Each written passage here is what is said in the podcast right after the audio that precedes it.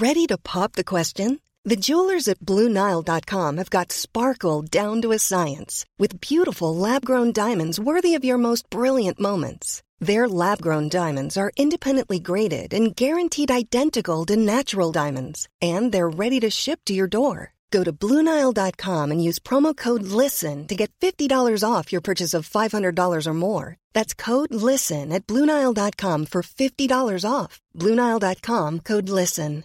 Everyone knows therapy is great for solving problems, but getting therapy has its own problems too, like finding the right therapist, fitting into their schedule, and of course, the cost. Well, BetterHelp can solve those problems. It's totally online and built around your schedule. It's surprisingly affordable too. Connect with a credentialed therapist by phone, video, or online chat, all from the comfort of your home. Visit betterhelp.com to learn more and save 10% on your first month.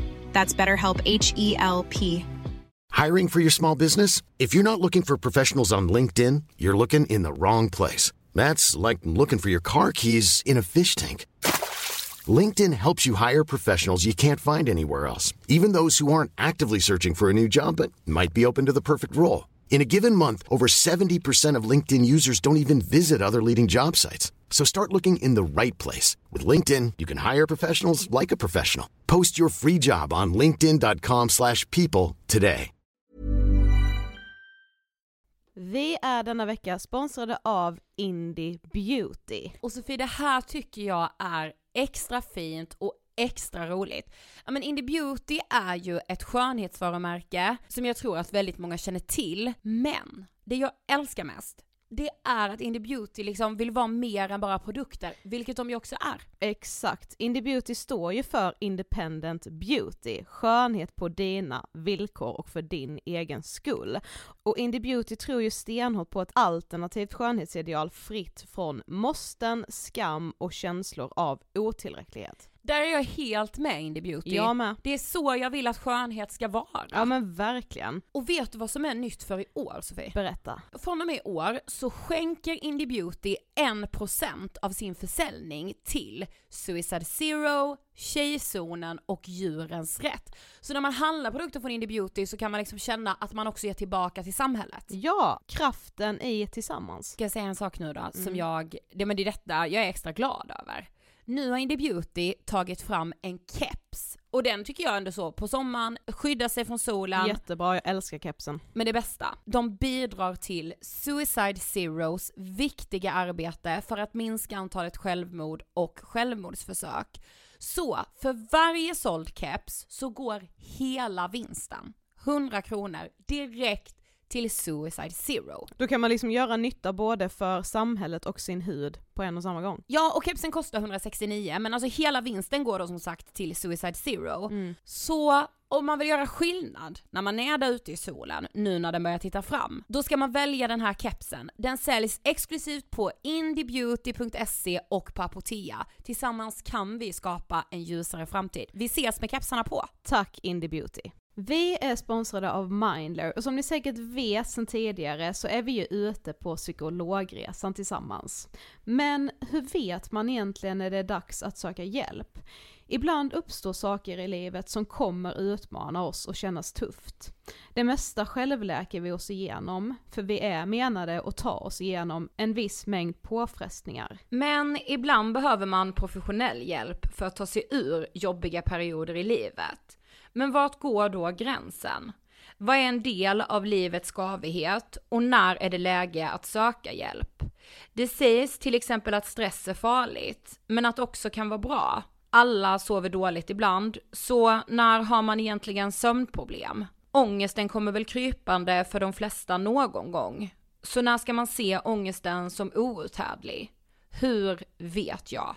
Med oss som psykolog har vi såklart min gamla psykolog Linnea Seidbrant. Men Linnea, vad är egentligen utmattningssyndrom? Utmattningssyndrom är en konsekvens av svår och långvarig stress utan möjlighet till återhämtning. Vi är ju då skapta för att klara av stress, men vi behöver också återhämtning. Om du utsätts för för mycket stress under en lång period utan att du får till den nödvändiga återhämtningen så kommer kroppen till slut att säga ifrån. Och det är faktiskt så att alla har en gräns. Du kan drabbas av en rad fysiska eller psykiska besvär som trötthet, sömnproblem, hjärtklappning, besvär från magen och tarmarna och mycket annat. Och det här är ju då varningssignaler och tecken på att du kan behöva göra någonting åt din situation. Annars så kan besvären utvecklas till att du mår så dåligt på sikt att du blir psykiskt och fysiskt utmattad. Ladda ner Mindler till din telefon och läs mer på mindler.se.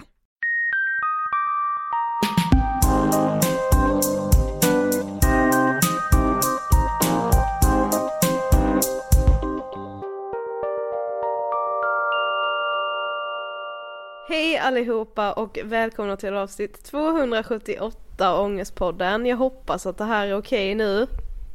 Ja men jag hoppas också det. Hej! Vi sitter alltså här i Facetime nu och poddar.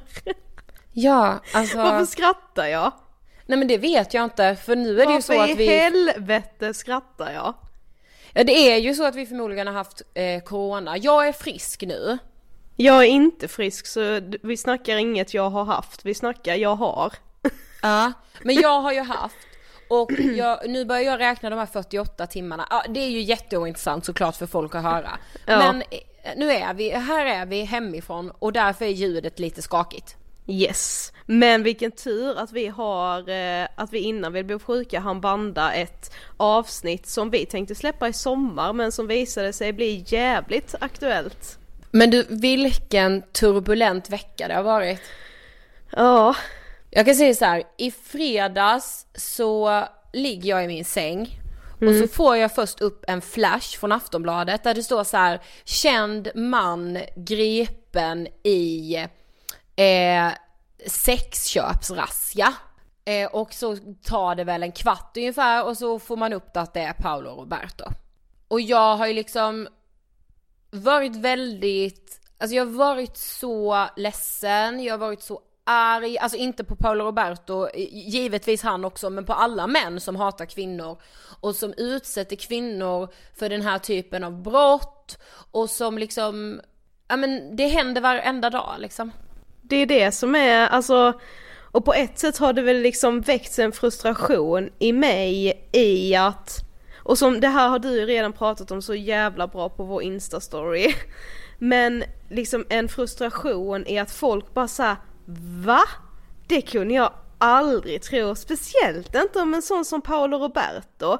Men hur många gånger ska man behöva säga och poängtera och påminna om att alla män kan köpa sex? Alltså nu menar inte jag alla män, men det finns ingen specifik sexköpare. Nej jag vet. Men det verkar folk inte, folk säger jag nu, men det finns de som inte verkar förstå det.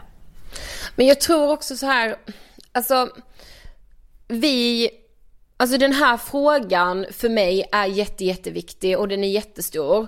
Och i och med att det här hände så hamnade det på agendan, vilket gör mig jätte, jätte, jätteglad. Alltså det känns så viktigt och äntligen, men så gör det mig ändå så här, vad skulle det krävas att en kändis Precis. köpte sex för att någon skulle orka lyssna på de här kvinnornas berättelser? Alltså det blir så tydligt att det alltid behövs en syndabock. Det var ju, alltså det var ju lite samma i metoo-rörelsen. Helt plötsligt var det en man som hängdes ut och då blev hela liksom, alltså så här, att sexuella övergrepp har, har liksom förekommit i alla år, det kunde ju knappast vara en nyhet för någon egentligen. Men sen samtidigt så är det ju bra att det liksom lyfts, alltså du är så kluven i det. Det är jättebra och vi ska fortsätta lyfta det. Jag tänker att nu får man, eh, även om det här är en våg nu som många liksom, alltså det är många som vill prata om det här ämnet och man får ju se det som att det är jävligt positivt. Eh, så är det väl viktigare än någonsin nu att bara försöka fortsätta hålla debatten vid liv. Eh, så att det inte bara blir ett sexköp som, där man hakar vid att det just var Paolo Roberto utan att man kollar på liksom strukturerna och inser hur vanligt det här är. Eh, och har något sorts hopp om en eh, bättre och ljusare framtid. Med hårdare Eh. straff kring sexköp. Ja men verkligen, alltså fängelse är det enda rimliga. Ja, absolut. Alltså för jag menar som vi också kommer prata om i dagens avsnitt, alltså det här är ju, alltså du köper ju ett övergrepp. Och jag tycker Ja. det är helt, alltså hur, alltså jag såg någon som hade skrivit så himla bra att så här, att köpa sig till samtycke, att köpa ett övergrepp, alltså det är så långt ifrån allt jag känner till om sex, om kåthet, alltså hur kommer, alltså hur kommer kåthet in i den ekvationen? Det, det såg jag med, någon som hade skrivit så himla bra, eh, att just här, varför pratar vi inte mer om kvinnors kåthet? Jag har också vissa dagar eller veckor i månaden där jag är mycket kåtare än vad jag är annars. Det slår väl aldrig mig en tanke om att jag behöver köpa sex för att stilla min kåthet. Jag finner Nej. mig att jag är jävligt kåt, jag kanske onanerar och sen är det bra med det. Jag kan ju inte ta mig rätten till någon annans kropp bara för att jag Nej. är kåt. Även Nej, jag om jag vet, är ibland- super, super, super, super, super, super, super kåt. nej, men, nej men verkligen, för jag menar ibland känns det som att så här, att det, att män på något sätt kan, ska säga in och börja skylla, ja men jag är så satans kåt va? Men Ni förstår inte hur kåt jag är, som att man bara men du går ju inte runt med ett råstånd hela tiden. Nej, och det är också så här, alltså du vet så här män som ska säga gud men vi män har våra behov. Jag vet, jag vet inte hur många dokusåpor jag har sett där killar ska prata om att de har sina jävla behov. Ja men kvinnor har väl ändå ett behov av att inte bli köpta som varor. Ja. Kan du se till det behovet? Det känns lite viktigare än din pillesnops. Ja men och också liksom en diskussion som man har sett mycket på Twitter men också jag lyssnade på eh, Mia Skäringer och Anna Mannheimers podd.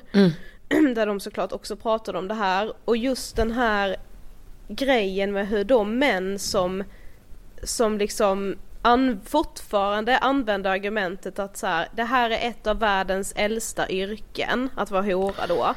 Eh, och att det finns faktiskt de som vill sälja sex. Just Hur skulle de här männen reagera om deras 16-åriga dotter kommer hem och säger Pappa, jag är faktiskt lite sugen på att börja sälja min kropp.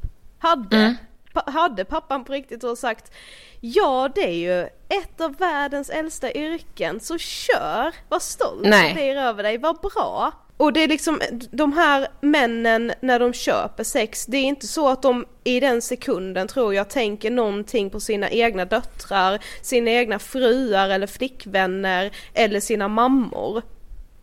Nej. Hon bara, men det hade lika gärna kunnat vara din egen mamma som blev utsatt för det som du utsätter den här kvinnan för nu. Hade du tyckt att det hade känts okej? Precis.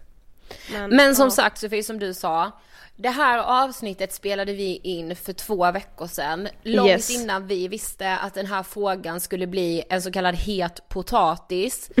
eh, men vi kände att det kändes väldigt relevant att eh, släppa avsnittet redan nu. Och idag gästas vi alltså av Talita. Anna och Josefin som har varit med och grundat Talita. Och vissa av er kanske har sett först nu att Talita existerar. Eh, vi har följt deras arbete på håll och liksom imponerats av dem väldigt, väldigt länge. Eh, för Talita är en förening som erbjuder en väg ut ur prostitution, pornografi och människohandel. Yes, Eh. och utöver att vi kommer att prata prostitution idag så kommer vi prata också om porr. Eh, eftersom de många gånger går väldigt mycket hand i hand.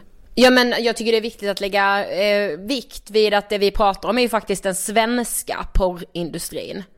Eh, och med, när jag säger att de ofta går hand i hand så handlar det dels om att många av de kvinnorna som kanske först börjar spela in porr hamnar i prostitution.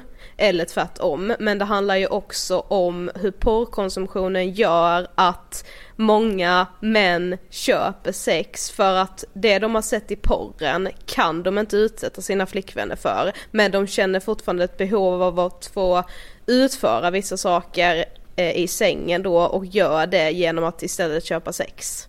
Ja, gud det är så sjukt. Ja, men det är Eh, fakta. Jag, jag, kan, jag kan bara säga så här. jag är så ärad av att eh, Anna och Josefin tog av sin dyrbara tid och kom till oss i Ångestpodden. Eh, så vi rullar intervjun med Talita. Varsågoda! Hej Talita och varmt välkomna till Ångestpodden! Tack. Tack. Nu heter ju inte ni båda Talita, men berätta för oss vilka är ni? Jag heter Anna Och jag heter Josefin. och eh, vi tillsammans har ju grundat organisationen Talita Mm. för en massa år sedan, 2004. Ah, oj, är det så länge sedan? Men vi har jobbat tillsammans i 20 år. Mm. Så att, eh, Mm. Vad jobbade ni vi med går innan? ännu längre tillbaka. Ja. Jag jobbade med kompetensutveckling innan jag är apotekare. Eh, ja, Ja, jag är jurist. Aha. Men vi träffades i ett uppsökande arbete i slutet av 90-talet som var riktat till kvinnor i prostitution. Mm. Så det var så vi kom i kontakt. Men det var innan Talita fanns. Ja. Ja, vi kommer in lite mer på det sen, men först ska ni få standardfrågan i Ångestpodden. Eh, vad tänker ni på när ni hör ordet ångest? Ja, jag tänker på det jag själv har upplevt. Mm. Eh, och bästa sättet att beskriva det är som ett stort svart hål som bara öppnar sig. Och eh, det är fruktansvärt. Det är det jag tänker på. Eh, Det var väl också min spontana tanke, just den där känslan som är så gräslig. Men sen tänker jag också på så många av de kvinnor som vi möter och vad vanligt det är med ångest. Ja, i princip varenda kvinna vi möter har ju ångest på olika sätt, i olika grad. Men berätta mer om Talita, alltså vad gör ni? Vilka är ni? Ja, vi är en organisation som arbetar med att hjälpa kvinnor som blivit utnyttjade i eh, prostitution och pornografi och människohandel för sexuella ändamål. Och eh, det vi vill det är att hjälpa de här kvinnorna till ett annat liv. Helt enkelt ett liv utanför sexhandeln. Och det gör vi dels genom skyddat boende men även eh, genom ett rehabiliteringsprogram som vi har. Mm. Och vi tar emot, i våra skyddade boenden så tar vi emot både akuta slussningar, oftast från polisen då i, i samarbete med socialjouren och socialtjänsten. Men eh, kvinnor kommer till oss på olika sätt. Och eh, en del stannar då, kommer akut och stannar en kort tid medan andra ingår i vårt program. Och vi finns i Sverige men även i, i eh, utlandet. I Mongoliet, Rumänien och Kenya. Men sen kontaktar ju kvinnor oss själva också. Man kan ju mejla till oss om man vill ha kontakt. Mm. Och så kan vi börja den vägen också. Det är inte alltid myndigheter som slussar. Nej, och sen så har vi en mottagning där vi träffar kvinnor också bara för eh, stöd utanför boendena. Eh, men jag tänkte på det, nu sa ni att ni startade organisationen, vad sa ni, 2004? Mm. Gud, det är så länge sedan. men alltså hur såg prostitutionen ut då? För jag tänker då var det kanske mer gatuprostitution. Alltså när vi började eh, 98 och var Ah. ute på Malmskillnadsgatan då hade inte eh, sexköpslagen kommit. Nej. Så att den största skillnaden egentligen sen dess Ah. och eh, vad som hände efter det.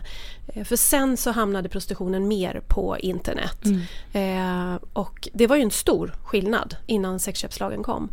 Eh, sen har också det, stor skillnad eh, sen dess är också att eh, de, de flesta kvinnorna var svenska medan de vi träffat eh, de senaste åren är ju eh, många från andra länder. Mm. Och sen är väl en skillnad också att eh, på den tiden såg vi ju ingen människohandel. Och kanske inte att vi mötte kvinnor i pornografi heller utan då var det Ja. prostitution på ett helt annat sätt än vad vi ser idag. Idag känns det som att sexhandeln är så mycket bredare, innehåller många fler former än vad vi såg för 20 år sedan. Mm. Men, men hur skulle ni säga då att prostitutionen ser ut idag?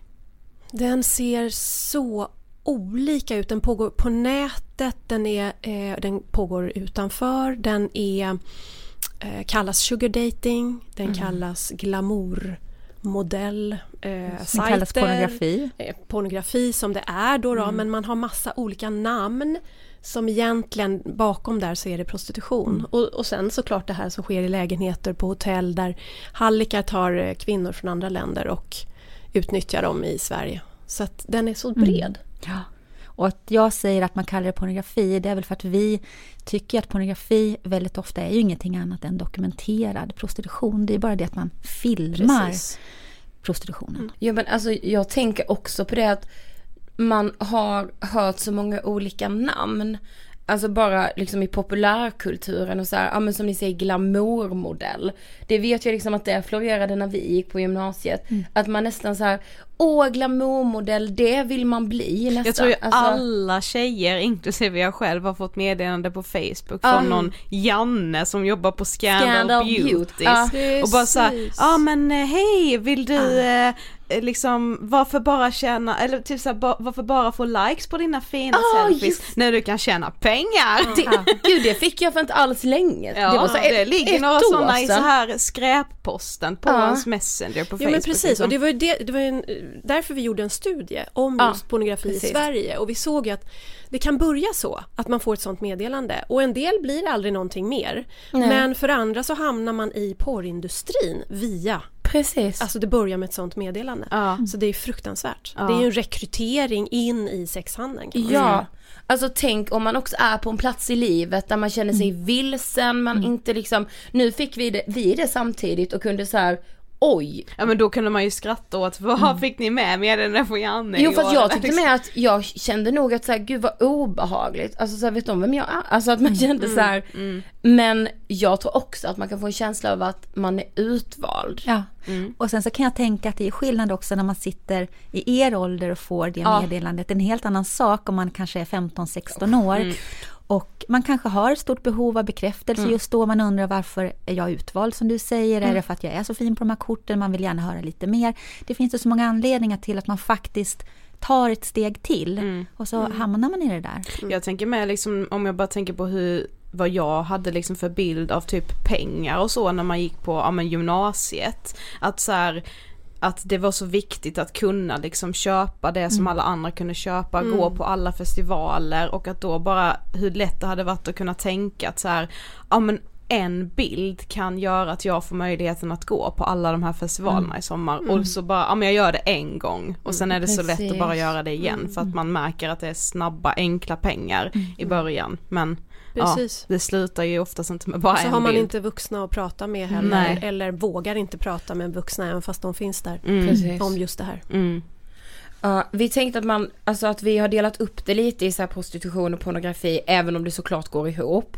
Men alltså hur ser situationen ut för kvinnorna, alltså i Sverige? Hur hamnar de i liksom prostitution? Ja, det finns ju ganska många olika anledningar till att man, att man hamnar i prostitution. Och, eh, men nu frågar du just om de svenska kvinnorna. Det vi ser väldigt ofta, inte alltid, men ofta, det är att det finns tidiga sexuella övergrepp med i bilden eller annan, andra trauman, eh, tidiga trauman ofta. Då har man ju sett, både det vi har sett och så har man ju sett i, i forskning, att det finns väldigt starka samband mellan just tidiga sexuella övergrepp och att man tar steget senare i livet in i prostitution. Och det är väldigt, jag kan tycka att man, man förstår det på ett sätt för att många som har blivit utsatta för övergrepp får ju den här otroligt starka känslan av att man inte har ett värde. Mm. Och sen så då är det inte så långt att ta det där steget in i prostitution, man får betalt. Helt plötsligt känner man att det, det folk har tagit bara från mig innan, nu är det någon som vill ge mig tusen spänn eller 1500 kronor. Då är jag ju värd någonting, det var jag ju inte innan. Nej, Och sen eh, får vi också, också ofta höra, både från utländska och svenska tjejer, att eh, ja men att vara i prostitutionen, i alla fall inledningsvis, så där i början, att eh, ja men det, det, det är hemskt. Men jag stänger bara av och eh, spelar med. Det var mycket värre när jag utsattes för det här eller det här när jag var barn. När det var en person jag brydde mig om eller när jag var, var tonåring och min pojkvän gjorde så här mot mig och sen lämnade mig. Alltså det finns eh, sår sen tidigare som är, gör jätteont och att då gå in i prostitutionen det är nästan som att ja, men då stänger jag bara av. Ja. Och så får jag de där pengarna som gör att jag kan handla något och trösta mig själv. Liksom.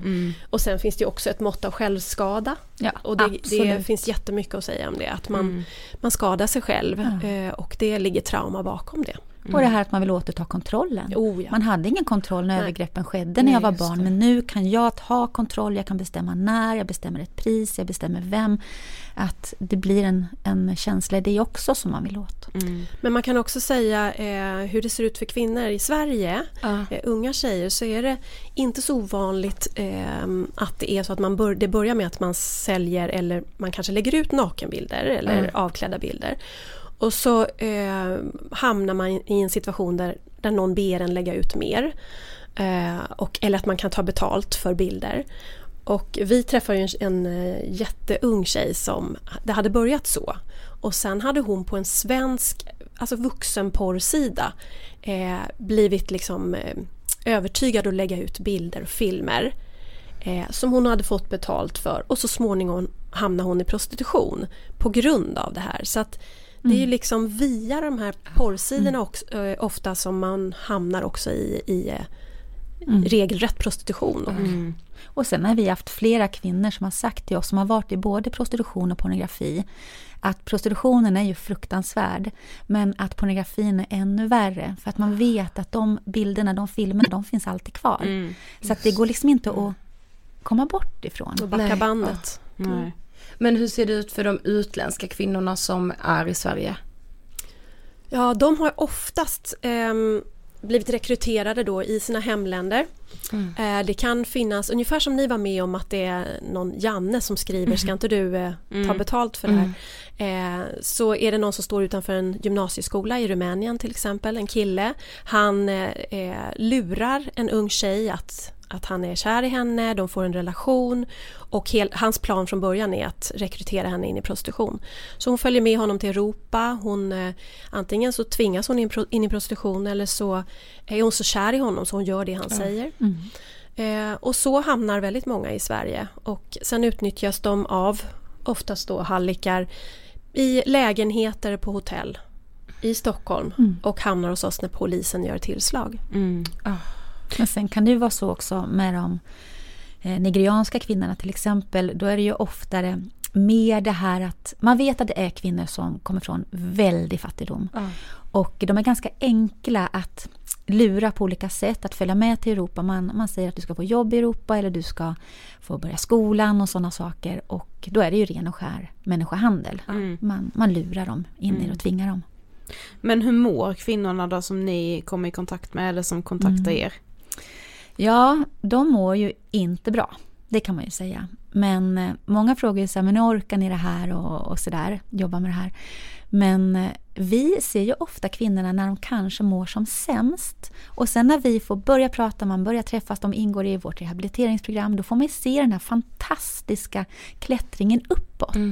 Och det är ju det är så fint att få vara med och se när människor får hitta tillbaka till sig själv, förstå att de verkligen har ett värde och hela den biten. Så att, nej men många mår ju dåligt som svar på din fråga, men Ja. det kan bli bättre. Jättedåligt och många som inte får hjälp där ute i vårt Mm. samhälle. Där psykiatrin, socialtjänsten, man har varken kunskap eller några idéer om, ja men vad, jag kanske vill göra någonting för den här unga tjejen, men vad ska jag skicka henne? Till ett HVB-hem där man liksom bara blir en slags förvaring. Eh, Nu är det ju inte så på alla ställen, men, men många har berättat om att de har upplevt det precis. som att de har hamnat någonstans. Eh, och samhället vet inte, hur ska vi hjälpa den här personen? Många Man får ju aldrig inte någon in, hjälp. Nej, man sätter inte in någon traumabehandling och det som de verkligen behöver, för det kostar för mycket. Så att eh, det finns ju otroligt många som hör av sig där ute till oss och som aldrig har fått hjälp och då Nej. mår man ju fruktansvärt dåligt.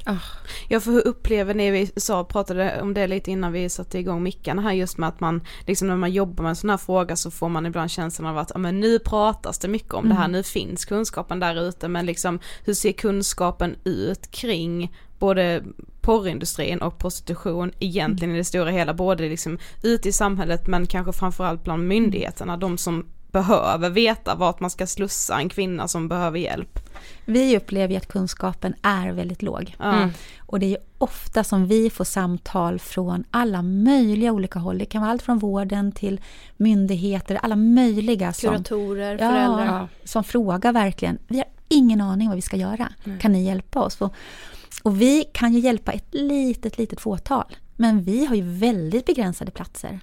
Och resurser. Och resurser, ja, visst. Så att vi kan bara göra en liten bit. När vi, första gången vi gjorde en serie då om prostitution i podden så var det väldigt många män som skrev till oss och så menade de så här, jo men ni, nu tar ni inte upp aspekten att det finns kvinnor i prostitution som gör det här för att de älskar sex Ska eller... sägas att det var några kvinnor som själva sa det också. Ja just det, det var det faktiskt. Ja eller så här, ja men det finns kvinnor som, det var mestadels män. Eh, och det finns kvinnor som vill jobba med det här och ni är så eh, antifeministiska. ja, vi fick då en liksom storm av, av det där.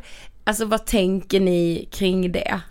Ja, jag tänker så här. Eh, de personer som går på den här myten om eh, den lyckliga horan, Mm. eh, som det, man brukar säga. Eh, de ser aldrig de här människorna på något annat sätt än i en tidningsartikel eller ett inlägg på sociala medier eller något. Eh, vi lever liksom dagligen med de här kvinnorna. Och då menar vi inte bara de som kommer och direkt säger jag mår jättedåligt till oss. Utan vi menar de som kommer till oss slussade av polis eller på annat sätt och som säger nej men jag har valt det här. Jag älskar det här. Det här är som choklad för mig. Jag njuter av det. Och sen vi respekterar det, vi eh, lyssnar, vi stöttar dem, hjälper dem på samma sätt som vi alltid gör och sen helt plötsligt rasar de fullständigt. Bryter ihop när de inser det finns en väg ut. Men finns det inte en väg ut då måste jag hålla upp en fasad att det här har jag valt.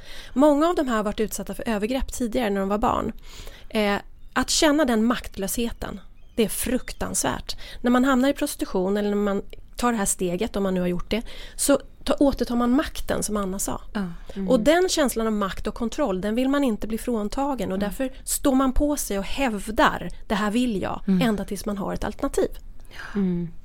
Men händer det ofta liksom att, att kvinnor då blir slussade av polisen till er och de liksom typ vill gå därifrån, att de inte vill ha hjälpen? Absolut.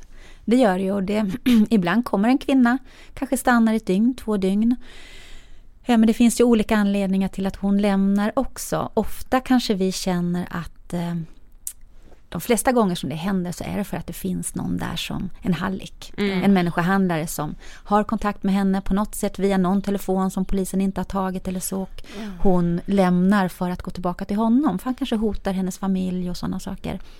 Men sen finns det ju också självklart kvinnor som inte är beredda att känna efter att, precis som Josefin var inne på, man är, man är inte där än. Utan eh, man, man vill tillbaka i det, man orkar inte skruva på alla känslor igen och möta sig själv kanske. Ja, men det är precis det det handlar om. Att ska man stanna hos oss då och lämna det här, då ska man gå från att ha stängt av allting till att skruva på känslorna igen. Det är då man möter all ångest och allt allt man har varit med om, det, ska, det hinner i kappen.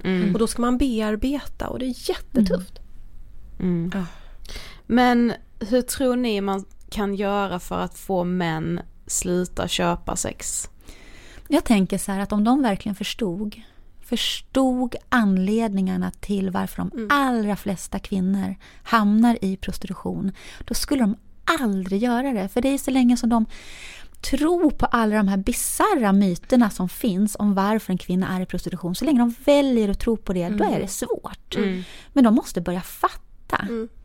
Ja, för öppnar man ögonen också kring vad pornografi är och vilka kvinnor som, som det handlar om. Alltså de, de jag då tittar på för att kunna runka till. Liksom. Så om, om jag förstod vad de har gått igenom och eh, vad de förmodligen har för bakgrund, då skulle jag inte kunna. Nej. Exakt.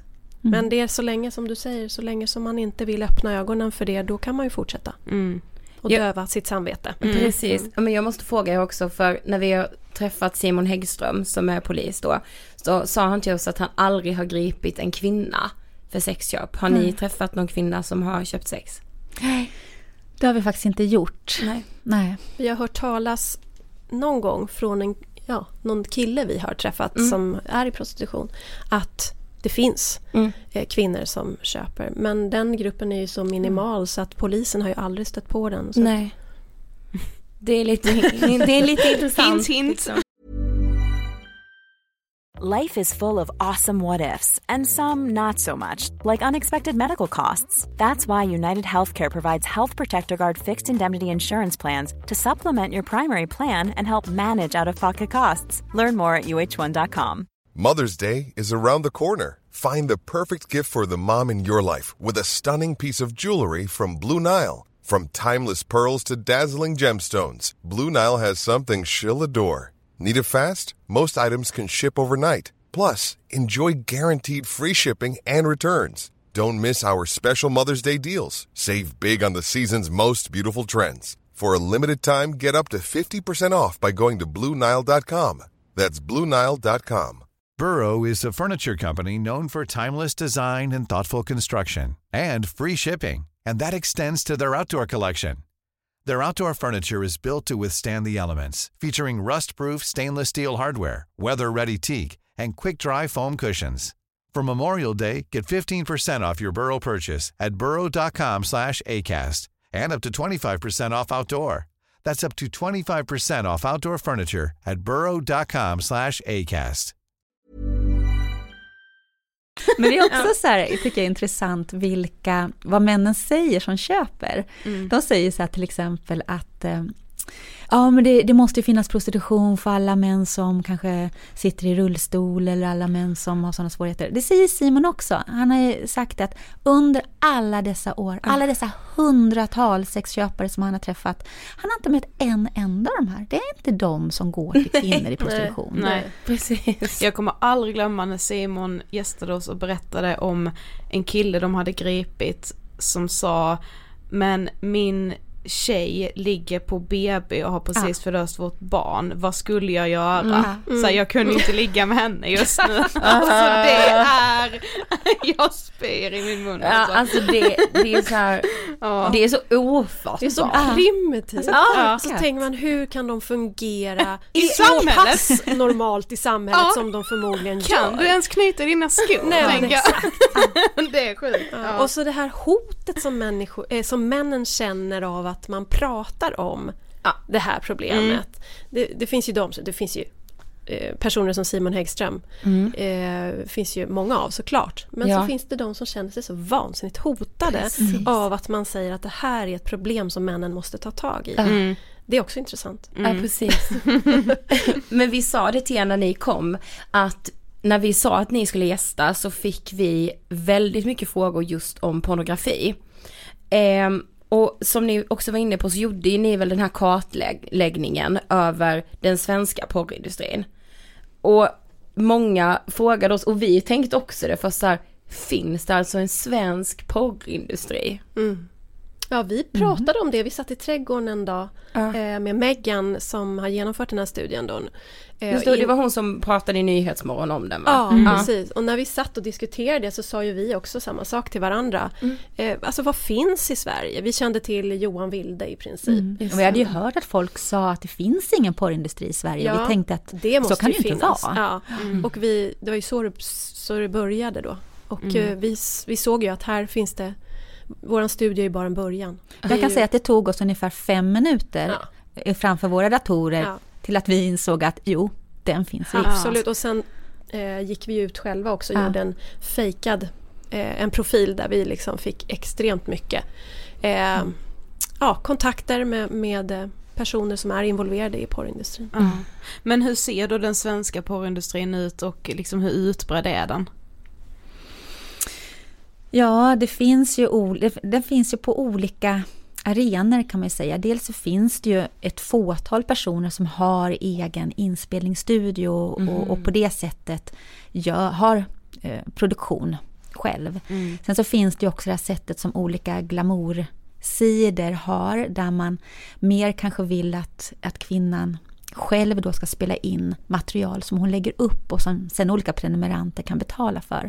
Så att det finns ju två olika arenor kan man säga. Mm. Och den eh, sista eh, som du nämnde där, de, där behöver ju inte de som tjänar pengar på det här, de behöver inte agera särskilt mycket själva. De Nej. kan ju ligga i Thailand liksom och, och se pengarna rulla in. Därför kvinnorna lägger upp det här för att de har rekryterats av såna här eh, unga svenska killar som, som ni nämnde tidigare. Ja. Och sen så kommer pengarna in till de här företagarna som gör miljonvinster på Det vet att det jag här att, får finnas. ja, det vet jag att vi, man ser alltså på både typ så Snap och Twitter, alltså där det är där kontona i sig, de som är öppna, de är också väldigt liksom, alltså i min värld är bara de bilderna porr. Ja. Men jag fattar ju att om man vill se mer så är man villig att betala för att göra det. Men det är ganska sjukt hur de här öppna profilerna får finnas på ett sånt ställe som Twitter liksom. Ja, det fattar inte jag. Nej.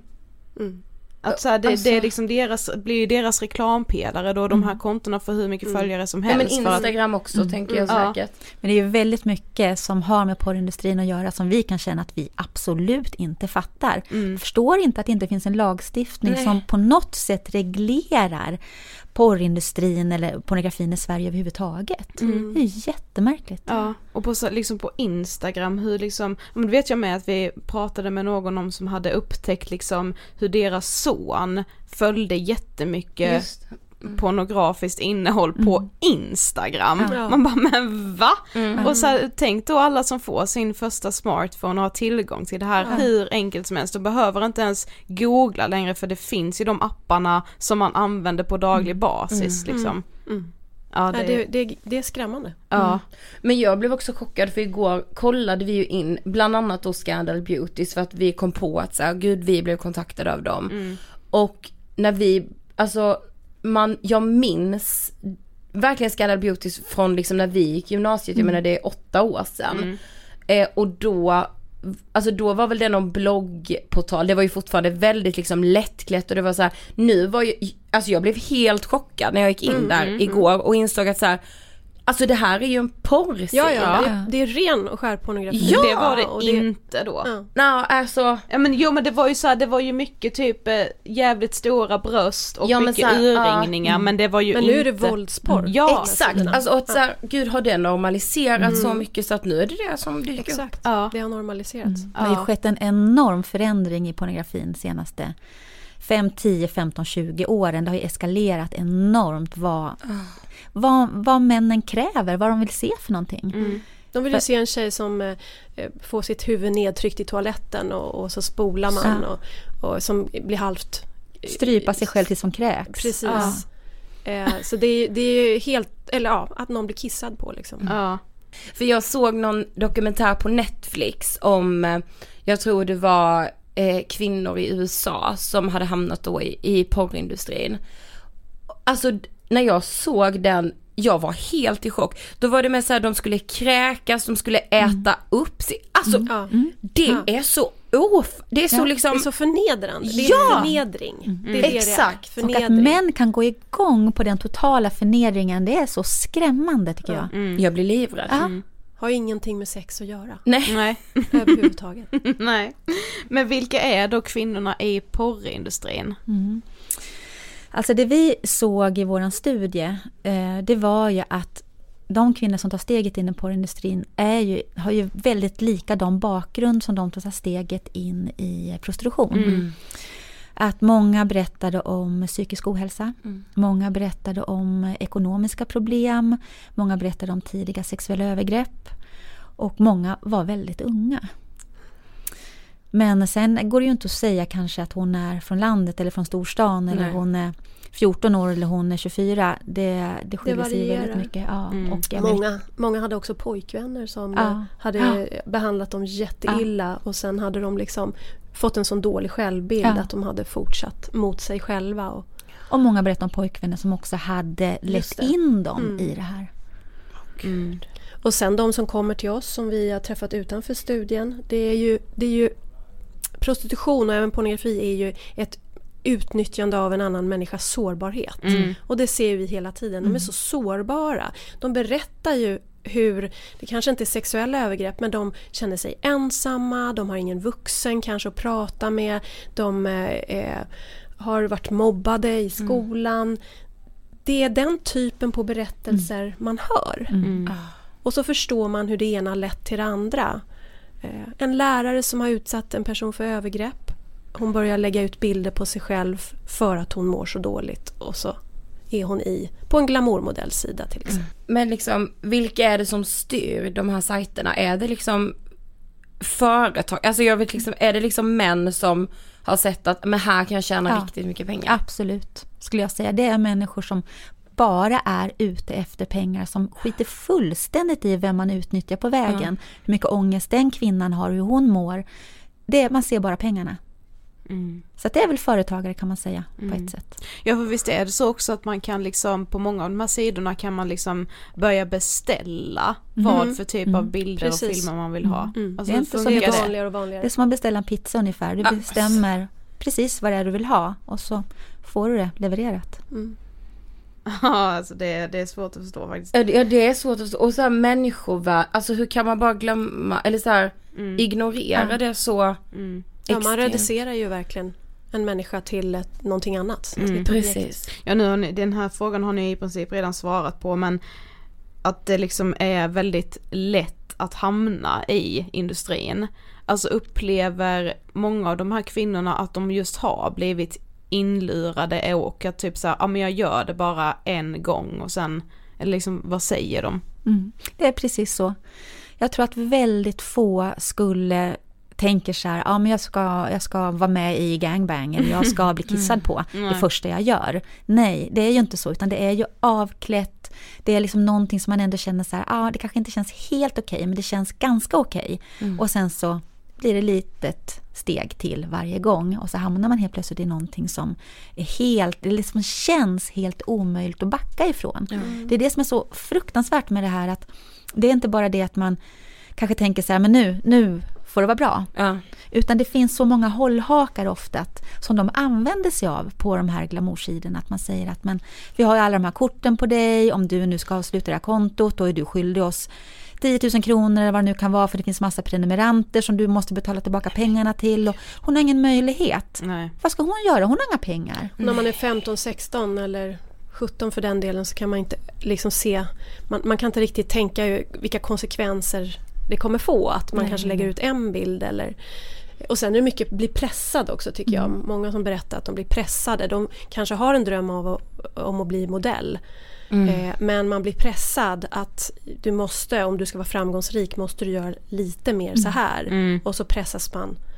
För man vill bli framgångsrik. Mm. Det är ju den värdering vi har i samhället. Man ska vara framgångsrik, man ska vara snygg. Eh, och ja, Mm. Och sen har det ju framgått med de kvinnor som vi har talat med eh, att de säger att när de har bestämt sig för att lämna och man kanske börjar säga det till de här personerna på den här sidan så säger ju de då att men du har ingen framtid. Du, du kan ingenting. Du är värdelös. Du, vad ska du kunna? Du är bara liksom du är skräp. Så att de blir så nedtryckta av personerna på de här sidorna också så det blir jättesvårt för dem att lämna. Så ni skulle säga att så här, porrindustrin och prostitutionsvärld, alltså det hänger väldigt mycket ihop. Eh, men jag tänkte också, hur ser liksom, hur kan händelseförloppet se ut om det kommer en kvinna till er? Alltså vad, vad för delar går man liksom igenom? Eh, Det beror lite på om hon eh, slussas till vårt boende Ja. eller om hon får höra från någon att man kan vända sig till oss och komma till vår mottagning. Eh, I våra boenden så har vi en hel rehabilitering som vi erbjuder och den pågår ett år. Och ehm, det, det är ett beslut man liksom ska fatta att man ska ingå i det här ett år och fattar man det beslutet då, då är det vanligast att man faktiskt stannar och Ja. tar sig igenom den här rehabiliteringen och lämnar prostitutionen för gott. Det, det är det vi ser och det man är med då om under det här året är att man går i traumaterapi. Eh, man eh, får undervisning som handlar om det är olika jagstärkande ämnen som handlar om psykisk ohälsa, det handlar om hur man hanterar känslor, det handlar om trauma, hjärnan, minnen och så vidare. Och eh, sen planerar vi för framtiden. Så vi hjälper personen att allt ifrån söka asyl till att se vad kan jag studera, vad kan jag jobba med eh, framöver. Så att det är ett helhetsgrepp. Mm. Och sen har ju vi en, en dröm om att kunna på våran mottagning ta emot många fler kvinnor som vill lämna porrindustrin. Och vi har sökt pengar för det, för att ta fram en metod just för att utveckla det arbetet som vi hoppas på få de pengarna så att vi verkligen kan satsa extra mycket på kvinnor som vill lämna porrindustrin. Mm. För Sjukt de tjejerna är oftast, de pengarna. Ja det vore helt sjukt om ni inte de tjejerna är ofta Ja. svenska, unga och går kanske i skolan och så. Det är en annan, man måste Mm. ta ett litet annat grepp kanske om, om Ja. deras situation. Mm. Men när vi berättade att ni skulle komma och gästa så fick vi jättemycket frågor från våra lyssnare så jag tänker att vi vill ta några av dem. Eh, bland annat en person som skriver Hur hamnar kvinnorna i dessa situationer? Vad, alltså vad får dem att börja med porr? Just pornografi, ja man tar ett, en tjej som ett exempel då. Eh, hon var 13 to- tror jag när hon eh, la ut några bilder på sig själv. Hon, hon var väldigt eh, ensam, hon hade eh, inte särskilt bra kontakt med sina föräldrar. Det fanns eh, psykisk ohälsa i hennes familj. Hon eh, började eh, utebli från skolan mer och Mm. mer, började testa alkohol och hamnade lite snett för att hon mådde dåligt. Hon hade mycket ångest och så. Och så la hon ut några bilder och fick precis en sån här förfrågan då, ska inte du lägga ut lite mer på sociala medier? Och eh, sen var det en pojkvän tror jag som, in, eh, som introducerade henne för någon sida där man, som var mer regelrätt än porrsida och pushade henne att eh, lägga ut bilder där och filmer. Och sen blev hon hittad i prostitution några år Mm. senare av polisen. Eh, Hon var så det här 13 eskalerade. år. Hon var 13 när det började med Ja, bilderna. men även första gången hon blev hittad i prostitution. Ja, Mm. precis. Så det gick inom, inom loppet Mm. av ett år från att de första bilderna hade lagts ut så, så hade hon eh, börjat sälja sig till män som kontaktar kvinnorna på de här sidorna och Mm. vill köpa Ja. sex. Så att de här, det går ihop så otroligt mycket. Det är inte bara så att män sitter och tittar, män kontaktar ju Ja, de här ja. tjejerna för att köpa sex. Men det har ju vi märkt även på den fake-profil som vi har gjort med en ganska lättklädd, snygg tjej. Så. Jag tror det tog, tog det två, tre minuter innan vi fick de första förslagen på eh, att, träffas. att män ville Minut, träffas. jag trodde Ja, ändå ja. du skulle säga dagar nej, faktiskt. nej, nej, nej. Det gick hur fort som helst innan vi fick förslag på att män ville köpa sex. Och då hade vi alltså lagt ut en bild på en, en tjej bakifrån. Inte ens avklädd. Utan det var bara en tjej som en ny profil och de högg direkt. Alltså jag blir helt chockad. Ja. Så då kan man ju tänka sig en ung söt 13-åring. Vad händer Ja. när, när, hon, när det inte finns en vuxenvärld eller en reglering i lagstiftningen för hur man får exploatera de här personerna? Det är helt sinnessjukt. Ja. Men så ni skulle säga att den här liksom gradvisa stegringen är liksom vanligast? Absolut, Ja. jättevanligt. Mm. Man börjar kanske inte ens, man börjar inte naket, man börjar avklätt. Ja. Och sen så går det ganska fort. Mm. Ja men som du var inne på också, det är klart att så här, det är ingen som tänker, ja nu ska jag vara med i ett gangbang Nej, här och lägga upp, nej. alltså såklart. Men sen helt plötsligt så hamnar man där. Ja. En annan skriver, är det alltid skadligt? Ja, det är alltid skadligt. Det kanske inte känns så från början. Mm. Eh, men det är alltid skadligt därför att även fast man stänger av sina känslor, eh, man dissocierar som det kallas, eh, så händer det saker med oss när, när vi utsätts för, för förnedring eller för någonting som, som vi inte skulle ha gjort om vi inte fick pengar för det. Mm. Alltså det ett, man köper ju någons samtycke som de aldrig hade gett annars. Och det är alltid destruktivt för personen. Det är skillnad på om man lägger ut bilder som man själv bestämmer vad man vill lägga ut och det är ingen som betalar mig för det. Alltså det, det, det är alltid destruktivt när man hamnar i den här industrin. Det där är så det bryter viktigt. ner en person Alltså, mer och mer och mer tills Ja. hon, som du beskrev, tills hon gör saker som hon aldrig trodde att hon skulle exakt. göra och då känns det för sent. Och det är skadligt på olika plan tänker jag också. Det är dels precis det som du beskriver, känslan av, av värde, att det bryts ner så mycket. Men det är också skadligt långsiktigt om man tänker att jag kanske vill utbilda mig, ha ett annat jobb, massa saker. Att det här är ju saker som finns kvar. Det vet en kvinna som, eller jag tror jag läste om, jag vet inte, men i varje fall som tio år senare blev kontaktad av en man som sa, bara på gatan, som sa att ja, jag skulle vilja filma gangbang med dig. Och det är tio år senare. Så att det här är ju någonting också som verkligen ger konsekvenser långsiktigt. ja, precis. Finns det personer som inte vill komma ur porrindustrin eller prostitution? Ja, precis som vi sa tidigare så, så träffar ju vi eh, också kvinnor som säger att jag vill vara i det här. Men vi har aldrig under de 20 år vi jobbat träffat en kvinna som har sagt så och sen när hon får veta vilka möjligheter det finns, att hon är värdefull, det finns ett annat liv, då kommer tårarna. Då, då kommer liksom hennes sanna jag fram. Men absolut, det finns kvinnor som har en fasad och som säger jag älskar det här. Och vi säger då, då att det fanns de som inte ehm, skulle bryta ihop och som verkligen tycker att de älskar det här. Så är det ändå så att eh, vi måste, lagstiftningen och vi i hela samhället måste skydda de som är utsatta. Så om det finns ett fåtal som faktiskt njuter av det här, ja det må vara så men vi måste ändå skydda den oerhörda majoritet Exakt. som lider. Så att... Eh, Ja men det tänker jag ofta att så här, om det skulle vara liksom 0,01 procent som tyckte att det här var nice. Det är ju, alltså de övriga 99, Ja. det är ju de vi måste, de vi måste utgå. skydda. Ja, precis. Ja, precis. Och en torsk som, eller någon som tittar på porr eller en torsk som går till en tjej. Det är ju 99,9 procents chans att hon är en av de här utsatta. Mm. Så Ja, att precis. hålla på och lura sig själv att tjejen man går till gillar det, det liksom håller inte. Nej. Nej. Eh, en annan skrev också, hur kan man själv göra för att hjälpa någon som befinner sig i porrindustrin eller i prostitution? Man kan ju till att börja med lyssna på den personen, höra vad hon, vad hon själv har att berätta och sen så tycker jag att man kan tipsa om Talita till exempel. Mm. Skriva ett mejl till oss, info.talita.se och bara berätta om situationen för om hon vill ha hjälp då vill vi gärna lyssna på henne och se vad kan vi göra, vad är det hon behöver, vad är det som har hänt.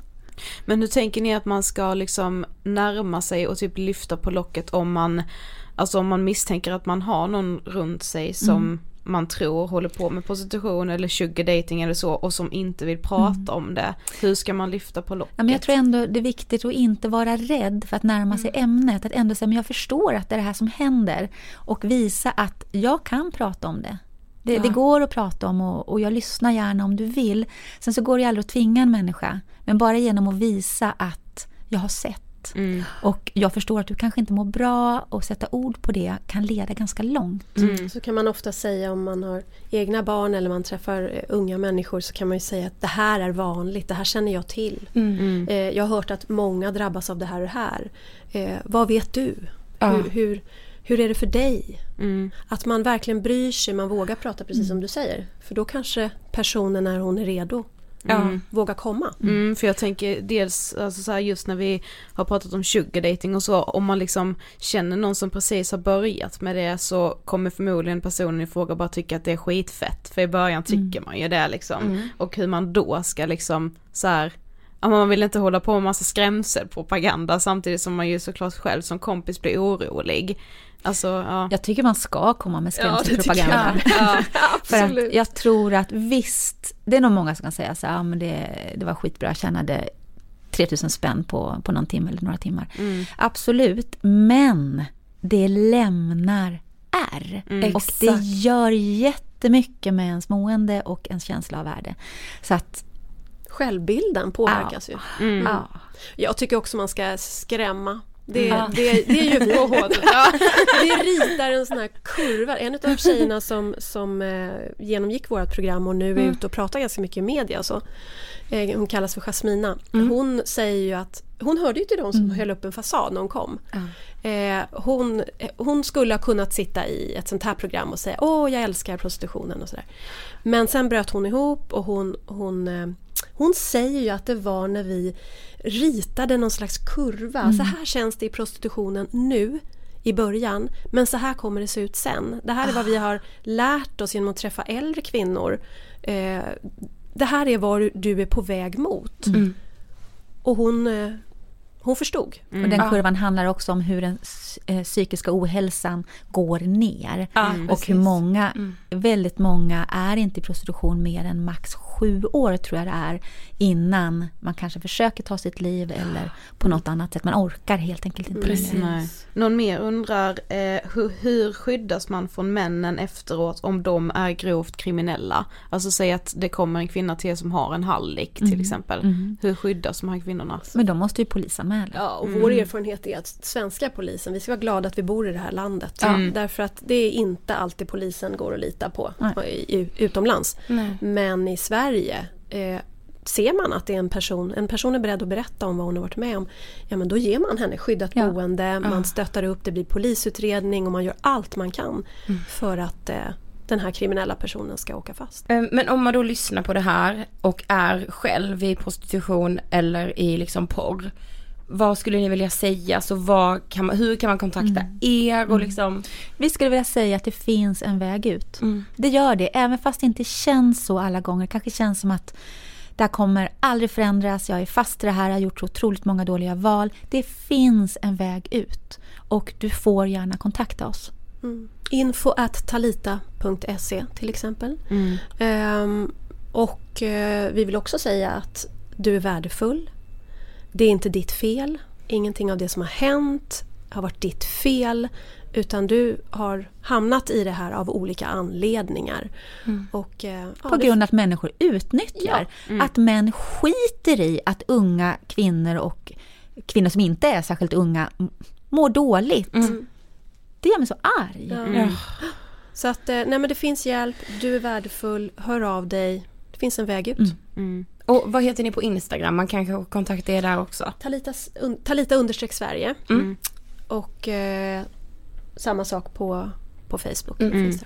Vi tycker ju ni är otroligt Ja, alltså. inspirerande men ni ska få sista ångest på den frågan. Vad inspirerar er? Att träffa de här kvinnorna tror jag. Det berikar så oerhört mycket.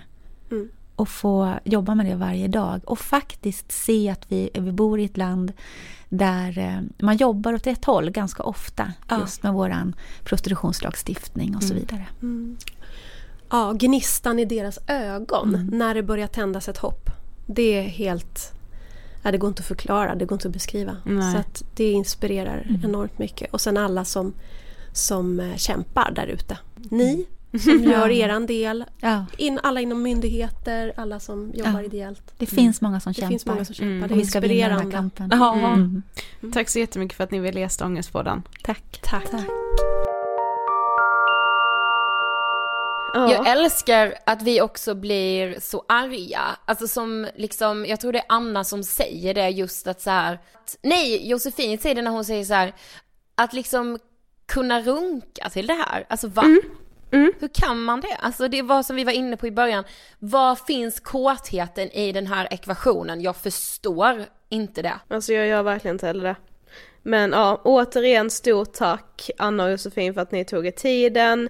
Eh, följ Talita undersök Sverige på Facebook och på Instagram. Eh, Där finns också nummer för om man vill vara med och stötta Talita genom Swish, bankgiro.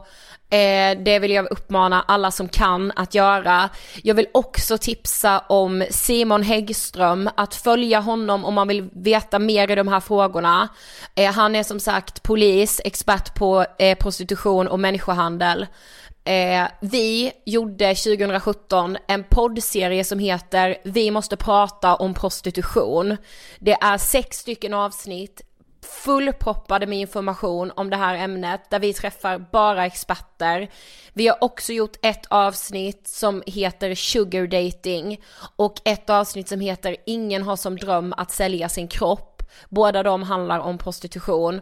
Och vi har också gjort en hel poddserie som heter Vi måste prata om porr. Om man vill veta mer eh, om porr och dess skadeverkningar.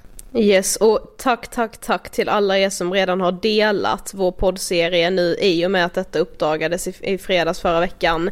Eh, som har tipsat om vår poddserie och som har gett så mycket fina kommentarer till oss i vår Insta-DM och på vår Instagram om att den är så bra och viktig och välgjord för det gör oss otroligt glada. Det finns en Spotify-lista med alla avsnitten samlade. Det är bara att söka på Ångestpodden Vi måste prata om prostitution så kommer det liksom en spellista på Spotify med alla de här prostitutionsavsnitten om man vill lyssna. Ja. Eh, Följ oss på Instagram, vi heter Angestpodden där. Nästa vecka hörs vi troligtvis precis som vanligt från poddstudion. Yes, vi hoppas det. Ja. Ha det bäst tills dess. Hej då! Hej då!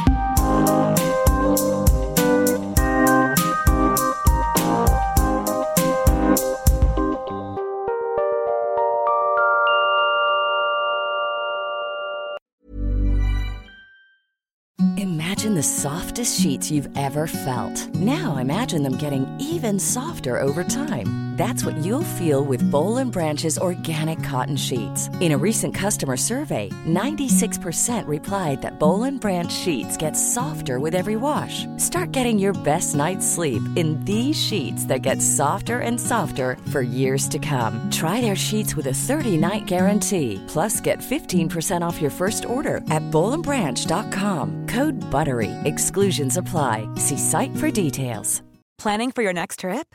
Elevate your travel style with Quince. Quince has all the jet setting essentials you'll want for your next getaway, like European linen, premium luggage options, buttery soft Italian leather bags, and so much more. And is all priced at 50 to 80% less than similar brands. Plus, Quince only works with factories that use safe and ethical manufacturing practices. Pack your bags with high-quality essentials you'll be wearing for vacations to come with Quince. Go to quince.com/pack for free shipping and 365-day returns. Mom deserves the best, and there's no better place to shop for Mother's Day than Whole Foods Market. They're your destination for unbeatable savings, from premium gifts to show-stopping flowers and irresistible desserts. Start by saving 33% with Prime on all body care and candles. Then get a 15-stem bunch of tulips for just $9.99 each with Prime. Round out Mom's menu with festive rosé, irresistible berry chantilly cake, and more special treats. Come celebrate Mother's Day at Whole Foods Market